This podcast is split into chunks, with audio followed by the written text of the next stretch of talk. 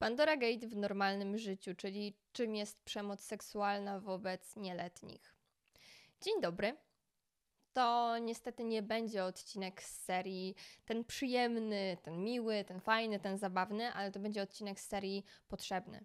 To będzie bardzo potrzebny odcinek i bardzo długo zastanawiałam się, czy w ogóle nagrać ten odcinek, czy w ogóle babrać się w tym głównie, które się wylało w ostatnim czasie w internecie, ale powiem Wam szczerze, że stwierdziłam, że jedna rzecz umknęła bardzo mocno wszystkim kanałom komentary, e, wszystkim kanałom, które się wypowiadały na ten temat, które gdzieś tam próbowały zdobyć rozgłos. Okej, okay, rozumiem, tak jakby powstała drama, powstała przeogromna drama, przeogromnie zasięgowa drama, ale jeżeli znowu po wylaniu się takiego szamba to nie pójdzie w dobrą stronę, to nic się kurwa nie zmieni nic się nie zmieni. Zdaję sobie sprawę, że osoby, które są oskarżone, to są osoby, które w naszym gdzieś tam dzieciństwie były przez nas bardzo popularne, bardzo lubiane, e, gdzieś tam e, bardzo im kibicowaliśmy. Co prawda, mnie trochę to ominęło ze względu na to, że ja byłam w mojej.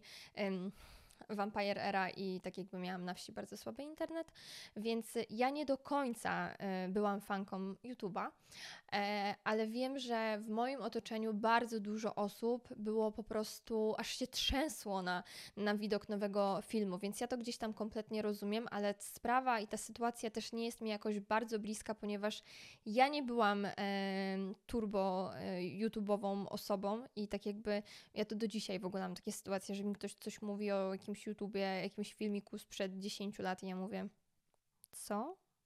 Nie wiem. Nie mam pojęcia. Ale do sedna. Wszystkie kanały komentarzy skupiły się na wielkich nazwiskach. Wszystkie kanały komentarzy skupiły się na tym, co się wydarzyło, ale prawie nikt, prawie nikt nie skupił się na tych ofiarach. Prawie nikt nie zaczął tematu, jak przeciwdziałać takiemu zachowaniu, jak walczyć z po prostu pedofilią. Po prostu z pedofilią. Jak w ogóle działać, jak chronić dzieci. Nikt praktycznie nie podjął tego tematu i jestem turbo wkurwiona z tego względu. Naprawdę. Ten odcinek naprawdę będzie ciężki. Będzie naprawdę ciężki. Nie chciałabym w żaden sposób kwestionować e, sprawczości naszego organu ścigania, ponieważ ja nie jestem od tego po prostu nie jestem, ale ja zrozumiałam, od czego ja jestem. Ja zrozumiałam, że ja jestem tutaj po to, żeby nie tylko bawić, nie tylko gdzieś tam dostarczać rozrywkę, ale również uświadamiać dorosłe kobiety. I nie tylko, również te młode, również te nastolatki, które dopiero gdzieś tam zaczynają swoją przygodę z relacjami damsko-męskimi. I ten odcinek dedykuję każdej osobie, która podzieliła się ze mną historiami. E, ja przeczytam tylko cztery z tych wszystkich, które dostałam. I proszę Was bardzo mocno, aby abyście słuchając tego odcinka i tak jakby na koniec nie, po prostu nie porzuciły go gdzieś w tle i o nim zapomniały, tylko żebyście przesłały ten odcinek każdej młodej osobie, która dopiero zaczyna gdzieś tam tą właśnie swoją przygodę z pierwszymi randkami, z pierwszymi zauroczeniami, z pierwszym wchodzeniem w związek, ponieważ jest to bardzo ważny materiał. I oczywiście odcinek o przemocy seksualnej w relacji, w relacji oraz o stawianiu granic zostanie nagrany, zostanie dodany jako kolejny albo jeszcze kolejny, ale stwierdziłam, że na tą chwilę to właśnie ten odcinek powinnam zrobić, powinnam dodać i powinnam podzielić się tymi historiami, które otrzymałam od Was. Bo uważam, że jako twórca internetowy i to już nawet nie najmniejszy, powinnam jakkolwiek zareagować w tej sytuacji, która dzieje się na tak jakby w całym internecie. A jeżeli tym materiałem uda mi się uchronić chociażby jedną osobę przed tym straumatyzowaniem, przed tym przeogromnym poczuciem winy, to uważam, że, że wygrałam. To uważam, że będę mogła położyć się spać z myślą, że udało mi się kogoś uchronić przed turbochujowym poczuciem. E, winy i ogólnie poczuciem względem samego siebie. Jest mi strasznie ciężko w ogóle nagrywać ten odcinek. E, naprawdę te historie, które przytoczę w tym odcinku, są kurwa straszne. Naprawdę. To będą naprawdę obrzydliwe historie. To będą sytuacje, które nigdy nie powinny mieć miejsca. A miały. Kto jest w tym wszystkim winny? Oczywiście oprawca. Ale powiem Wam więcej i o tym nikt nie powiedział, o tym nie było żadnego materiału. Winni są bliscy. Winni są bliscy każdej tej osoby, która jest pokrzywdzona. E, są winni z tego względu, że nie dopilnowali. Są winni z tego względu, że dali za mało zainteresowania własnemu dziecku oraz nie uczyli swoich dzieci, czym jest przemoc, czym jest przemoc seksualna, czym jest przemoc psychiczna, czym jest manipulacja. Nie uczyli, co jest dobre, co jest akceptowalne, a co jest kurwa złe. Chcę Wam powiedzieć, że otrzymałam pozwolenie na przeczytanie każdej z tych historii. To będzie w ogóle pierwszy odcinek, w którym ja będę czytała historię, ale chciałabym oddać tak jakby cały sens i chciałabym tak jakby też podziękować każdej osobie, która podzieliła się ze mną tą historią i teraz ja mogę podzielić się tymi historiami z Wami. Każdą dziewczynę nazwałam Ola, z tego względu, że chciałam, żeby czuły się anonimowo. Stwierdziłam, że Martę zostawiam, ponieważ Marta jest taka nasza trochę osobista, trochę mamy mm, taką sympatię do Marty, więc stwierdziłam, że po prostu zmienię imię. Pierwsza historia. A propos Twojego odcinka. Poznałam kiedyś na gadu gadu pewnego Arka. Pisaliśmy w zasadzie o normalnych tematach z początku, ale później zeszliśmy na tematy seksualne. Powiedziałam mu, że miałam wtedy 14 lat on miał 24. Nie przeszkadzało mu to. Trzymaliśmy tą relację kilka miesięcy. On wtedy był w Londynie, ja byłam w Polsce.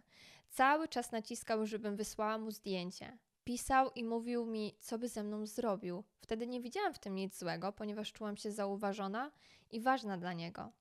Ogromnie mną manipulował, że będzie mu przykro, jak nie pokażę mu się dzisiaj wieczorem, albo że ma zły humor po pracy i muszę go jakoś poprawić. Jak nie robiłam tego, co chciał, to karał mnie ciszą. W końcu po kilku miesiącach pisania spotkaliśmy się. Zaprosił mnie na spacer na plażę i na kocyk w parku. Kiedy byliśmy na kocu w parku, posadził mnie na swoich kolanach przodem do siebie. Dotykał mnie po pośladkach, przesuwał mną po sobie. Później na plaży również leżeliśmy na końcu, na kocu, na łyżeczkę. Przytulał mnie i dotykał. Wsadził mi rękę w majtki. Byliśmy przykryci jego kurtką. W zasadzie to nie, nie spodziewałam się, że to aż tak okropnie wyglądało. Dopiero ostatnio zaczęłam się nad tym zastanawiać, że uprawiał grooming. 14 lat. I kurwa chłop, który ma 24 lata. Rozumiecie to? Zapytałam się, jak dalej potoczyła się ta historia. On oczywiście namawiał ją do seksu, do którego na szczęście nie doszło. Na szczęście do tego nie doszło. I wiecie, co się stało w momencie, w którym ona się nie zgodziła? Relacja się zakończyła. E, jeszcze na sam koniec powiedział jej, że to jest jej wina. Wprowadził ją w przypotworny stan poczucia winy, mm, tylko i wyłącznie dlatego, że 24-letni chłop nie mógł się bzykać z 14-letnim dzieckiem. Rozumiecie to? On namawiał 14-letnie dziecko do stosunku seksualnego, mając świadomość, ile ona ma lat, mając świadomość, że on jest 10 lat starszy, teoretycznie powinien być dojrzalszy, teoretycznie powinien być mądrzejszy i teoretycznie powinien mieć wiedzę, że to jest kurwa nielegalne i to jest złe. Chciał rozdziewiczyć dziecko. Powiem Wam szczerze, że Ola ma 21 lat i dopiero niedawno uporała się z tym przepotwornym poczuciem winy, z tym wstydem. Zrozumiała, że ona nie poznała fajnego faceta, który ją odrzucił, tylko zrozumiała, że poznała pedofila. Rozumiecie, jakie to jest popierdolone? Ale to dopiero początek.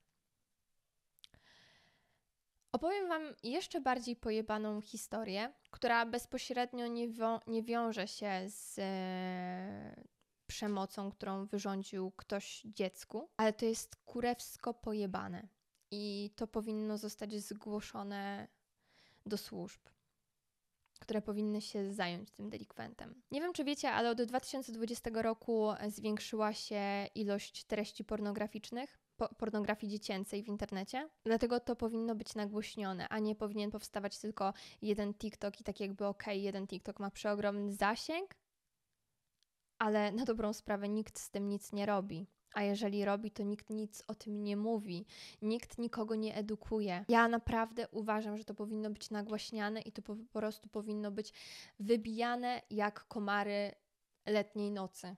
Wyobraźcie sobie teraz sytuację, że odkrywacie, że wasz partner ogląda pornografię dziecięcą. Wyobraźcie sobie, że wasz partner ogląda nastoletnie matki. 12, 13, 14-letnie dzieci. Dziewczynki z brzuchem ciążowym, które są nagie, które są zapłakane, ponieważ są zmuszane do tego, żeby pozować. a ktoś robi im zdjęcia. Wyobraźcie sobie dziecko, które w brzuchu nosi dziecko i które płacze, a ktoś robi mu zdjęcie. I wyobraźcie sobie, że ten kurwa zwyrodnialec oglądając to dostaje erekcji. Poziom obrzydzenia sięga zenitu w momencie, kiedy ja to mówię. A ten chory człowiek robił sobie dobrze do tego. I to jest popierdolone, ale takich ludzi jest mnóstwo, ponieważ jeżeli jest popyt, to jest podaż. I jeżeli powstaje tak dużo tych treści w internecie, to znaczy, że są ludzie, którzy to oglądają. To są ludzie, którzy płacą za te treści. Więc uważam, że tym też trzeba się zająć, ponieważ to jest popierdolone. To jest turbo. To jest, w ogóle mi się w głowie to nie mieści. Naprawdę mi się w głowie nie mieści. Gdybym ja coś takiego zobaczyła, to przysięgam, żebym. Nie wiem, co bym zrobiła, ale na pewno, na pewno zrobiłabym coś, za, to, za co mogłabym pójść do więzienia. Autentycznie, gdybym coś takiego zobaczyła, gdybym przyłapała kogoś na, na, czymś takim. I uważam naprawdę, że jeżeli kiedykolwiek będziecie mieli, miały jakiekolwiek podejrzenie u swojego partnera, brata, kuzyna, taty, dziadka, kogokolwiek, od razu to zgłaszajcie. Od razu to po prostu zgłaszajcie do organów ścigania. Druga historia. Ja miałam 16 lat, jak straciłam dziewictwo z facetem o 10 lat starszym. Co prawda prokurator już by się do tego nie przyczepił, ale jednak jest to obrzydliwe, jak teraz sobie o tym pomyślę. Bajerował mnie, jak miałam jeszcze 14-15 lat. Pamiętam, że w wakacje przez... Pamiętam, że w wakacje przed pierwszą klasą liceum, czyli zaraz po gimnazjum, coś tam wisiało w powietrzu. Ja, młoda, głupia, nieświadoma i kompletnie zauroczona. Facet był z mojego środowiska. Wtedy wszystkie osoby dorosłe tam żartowały z niego, że jest pedofilem. Ale chyba nikt sobie nie zdawał z tego sprawy, że to jest prawda. Myśleli, że on tylko zagaduje, bajeruje jak to on. Moja mama myślała, że mam pasję, chłopcy mnie w ogóle nie interesują i że jestem bezpieczna. Nie wpadłaby na to, że ktoś taki w ogóle dookoła mnie się kręci. Spotykaliśmy się po cichaczu, przyjeżdżał do mnie, jechaliśmy gdzieś do lasu, uczył mnie jeździć samochodem. Dla mnie to było w jakiś sposób intrygujące, bo trochę owiane tajemnicą, bo chowanie się, bo trochę jak w romantycznym filmie. Już przy pierwszym pocałunku próbował mnie macać, ale ja byłam niedoświadczona i dla mnie to nie było coś oczywistego, więc trzymałam dystans. Sądzę, że go to jeszcze bardziej nakręciło. Dałam sobie z nim spokój po jakimś czasie, bo miałam dosyć tego chowania się i trochę mnie zaczął wkurzać. Ale po dwóch, trzech miesiącach znowu coś mnie wzięło. Dziewictwo straciłam z nim, ale niestety po alkoholu. Teraz, gdy minęło od tego wydarzenia już ponad 10 lat, to myślę sobie, że jak blisko byłam od traumy i jak obrzydliwe było to, co on zrobił. Trzecia historia. Kiedy miałam 16 lat, byłam z chłopakiem o 4 lata starszym. Byliśmy razem z 7 miesięcy około i od rozpoczęcia związku praktycznie codziennie domagał się softów albo nudesów. Oczywiście nigdy mu nie wysłałam, ale to było bardzo często tematem naszych kłótni. Dotykał mnie w bardzo seksowny sposób na spotkaniach i mówił sprośne, obrzydliwe żarty. Po trzech miesiącach związku zmusił mnie do pierwszego razu. Mówiłam, że nie chcę i nie czuję się gotowa, a on leciał takimi argumentami, że nie dałam rady stanąć przy swoim. I trwało to ponad godzinę. Bardzo mnie to bolało i się nawet rozpłakałam, a on nic z tym nie zrobił. Dopiero po zakończeniu związku uświadomiła mi pani psycholog, że to był gwałt. I mam ostatnią historię, która, która jest najgorsza ze wszystkich. Cześć Karina. Wahałam się już od dawna, aby napisać Ci swoją historię, ale jak napisałaś, że zbierasz materiał, stwierdziłam, że to czas i że chcę, aby moje przeżycie, moja trauma oraz moja wieloletnia terapia nie tylko pomogła mi, ale również innym. Nie byłam ładnym dzieckiem i nie byłam ładną nastolatką. Byłam szczupła, płaska, miałam rude włosy i piegi. Dzieci się ze mnie czasami naśmiewały, koleżanek za bardzo to też nie miałam i głównie czytałam książki. Na naszym blokowisku nie bawiłam się z innymi dziećmi, ale często wchodziłam do takiego parku, w którym było połamane drzewo. Wchodziłam do środka i czytałam książki. Cudowne książki, które pozwoliły mi oderwać się od mojej szarej i przykrej rzeczywistości. Książki były moim najlepszym przyjacielem. Matka i ojciec bardzo dużo pracowali, nie bili mnie. Zawsze byłam najedzona i czysta, kupowali mi książki i rozmawiali ze mną sporadycznie. Babcia często się mną zajmowała, ale była surowa i nie lubiła za bardzo mojego towarzystwa. W sumie to nikt nie lubił mojego towarzystwa, oprócz jednej osoby Marka. Marek miał 28 lat i mieszkał kilka bloków ode mnie. Też się z niego śmiali. Nie dostał się na studia i jeździł dostawczakiem i sprzedawał na targu owoce i warzywa w okresie wakacyjnym. A w zimę czytał tak jak ja. Tylko ja lubiłam Anię z Zielonego Wzgórza, a on brutalniejsze pozycje. Ważne w tej historii jest to, że poznając Marka miałam 14 lat i myślałam, że to jest przyjaźń. Myślałam, że to zainteresowanie jest bezinteresowne z jego strony, że lubi mnie, dlatego obserwuje mnie, zakłada włosy za ucho lub gładzi po kolanie. Nie interesował mnie w sposób seksualny, bo nie miałam żadnego doświadczenia, ale czułam, że jest dla mnie wszystkim, że zrobię co tylko będzie chciał, aby był dalej moim przyjacielem. Mam już 33 lata, ale te letnie popołudnie będę pamiętać do końca życia. Jak zawsze siedziałam w moim ulubionym miejscu, czytałam książkę. Przyszedł Marek i zapytał, czy mam ochotę na wycieczkę. Często jeździliśmy na wycieczki, więc znowu pojechaliśmy. Było miło, ale inaczej. Pamiętam ten zapach okropnych perfum, który mi się wypsikał, takich męskich i tanich. Parę lat później, będąc na targu, czułam znowu ten zapach i zwymiotowałam po sekundzie. Ale wracając. Następnie powiedział to, co mówił od dawna, że zrobiłby dla mnie wszystko, ale czy ja dla niego też. Powiedziałam zgodnie z prawdą, że tak. Wtedy powiedział, że mam nie krzyczeć i być cicho. Bo ludzie, którzy się kochają tak jak my, robią właśnie to. Kazał mi się położyć, zrobiłam to. Następnie rozebrał mnie i zaczął dotykać. Było mi źle. Nie bolało mnie, ale chciałam już wrócić do domu ale wiedziałam, że jeżeli wrócę, to stracę jedyną osobę, która jest przy mnie. Później powiedział, że mam nie krzyczeć i nie płakać. I przeszedł do działania. Miałam wrażenie, że trwało to w nieskończoność. Nie mógł się przebić, więc się zdenerwował. Uderzył mnie, mówiąc, że to moja wina, że już mnie nie szanuje i zrobi ze mną co chce, bo się zgodziłam. A ja leżałam jak sparaliżowana, robił to, mam wrażenie, że kilka godzin. Jak przestał, to odpoczywał i znowu zaczynał. Nie płakałam, bo mam wrażenie, że umarła część mnie wtedy. Później odwiózł mnie do domu. Nie powiedziałam ani mamie, ani tacie. Nie wspomniałam nikomu, dopóki na swojej drodze nie spotkałam człowieka, który mnie oswoił, bo byłam jak dzikie zwierzę. Kochał mnie, chociaż nie umiałam kochać jego. Byłam nieufna, ale trwając z nim w relacji pozbawionej współżycia, na które nigdy nie naciskał, kiedyś po prostu mu powiedziałam. Nie ocenił mnie, ale pierwsze co zrobił, to zaprowadził do terapeuty. Mam wrażenie, że los chciał mi wynagrodzić tą straszną sytuację właśnie tym cudownym człowiekiem, który mi pomógł zrozumieć, że nie każdy mężczyzna jest zły. Karina, proszę cię, zmień imiona i przekaż ode mnie, że to nigdy nie jest wina ofiary. Że miłość nie boli, ale jest obustronna. Ludzie, którzy się kochają, nie krzywdzą siebie. Dziękuję, że mogłam to powiedzieć.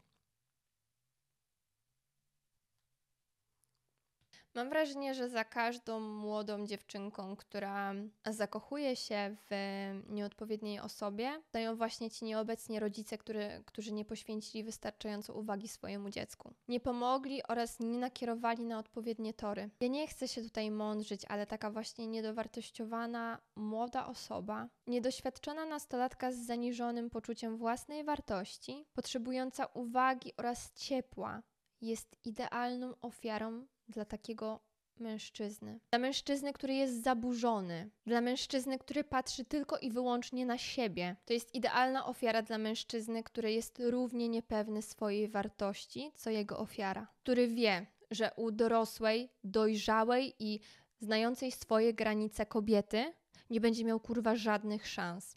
Żadnych. Więc szuka po prostu kogoś, kto nie będzie miał żadnych oporów. On szuka kogoś, kto nie będzie potrafił wyznaczyć granic, on szuka osoby, która będzie podatna na jego manipulacje, która się nie sprzeciwi, która nie będzie krzyczała, bo dla tego minimalnego zainteresowania, które otrzymuje od tego mężczyzny, to dziecko jest w stanie zrobić wszystko tylko po to, żeby on nie odszedł. I on jest tego w pełni świadomy. Ja, ja chciałabym z tego miejsca powiedzieć każdej osobie, która doświadczyła właśnie takiej przemocy, e, takiego rodzaju przemocy, że seks z odpowiednią osobą nie jest zły. Że to nie jest zestaw po prostu ruchu, ruchów frykcyjnych w jednej lub kilku pozycjach, tylko jest to uprawianie miłości, ale to musi być odpowiednia osoba do tego, to musi być właściwa osoba do tego. Dlatego przed każdym stosunkiem trzeba się zastanowić, czy ja to robię dla siebie, czy, to ja, to, czy ja to robię w ofierze dla kogoś. I powiem teraz najważniejszą rzecz w tym odcinku że seks nie jest aktem miłości. Seks nie jest formą udowodnienia komuś, że się kogoś kocha. Gwarantuję Wam, że jeżeli ktoś kiedykolwiek powie: Kocham Cię, ale nie czuję, żebyś ty mnie kochała, musisz to udowodnić, to ta osoba za chuj cię nie kocha. Ta osoba tylko i wyłącznie tobą manipuluje i chce osiągnąć korzyść Twoim kosztem. Ja zdaję sobie sprawę z tego, że mamy przepotworną seksualizację w internecie, w świecie, wszędzie, tak jakby nawet reklamy ociekają tym seksem. Ja zdaję sobie z tego sprawę. Ja zdaję sobie sprawę z tego, że ten podtekst seksualny jest wszędzie, naprawdę wszędzie. Wiem o tym. Tylko dlaczego nikt nie uczy, albo prawie nikt nie uczy, że ten seks musi być za obopólną zgodą, że ten seks ma dawać przyjemność dla dwóch partnerów, dla was obojga nawzajem, a nie dla tylko jednej osoby. Czemu o tym nie mówią ludzie? I uwierzcie mi, że partner, który nie przestaje w momencie, kiedy mówisz, że boli, kiedy mówisz, że czujesz dyskomfort, kiedy prosisz, żeby przestał, to ten partner cię nie kocha ten partner cię wykorzystuje. Nauczcie się w końcu. Seks nie jest dla mężczyzn, seks jest dla ludzi. A seks, który nie jest przerwany w momencie, kiedy informujesz drugą osobę o dyskomforcie, jest gwałtem. Turbo się wkurwiłam, nagrywając w ogóle ten odcinek, bo nigdy nie miałam takiej sytuacji, ale niestety z mojego własnego, z mojego własnego otoczenia e, znam bliskie mi osoby, które które przeżyły coś takiego. I jest mi naprawdę turbo przykro. I z tego miejsca chciałabym podziękować każdej osobie, która chciała się podzielić tą historią i która chciała, aby ta historia została opowiedziana.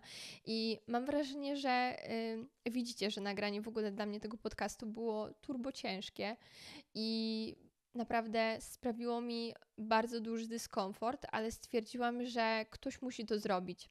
Ktoś musi nawet trochę wygłosić taki apel. Nigdy ofiara nie jest winna. Zawsze to ta druga osoba, która robi krzywdę, jest tym oprawcą. To właśnie ta osoba jest winna, ta osoba jest zła i ty nigdy nic nie zrobiłaś złego, ponieważ jeżeli wykorzystała cię osoba, która jest starsza, to ta osoba powinna mieć jakikolwiek kompas moralny, bo ty jesteś jeszcze dzieckiem. I będąc powierniczką tych wszystkich historii, wiem, że za każdą z tych historii stoi mała dziewczynka, która bardzo mocno potrzebowała poczuć się kochana.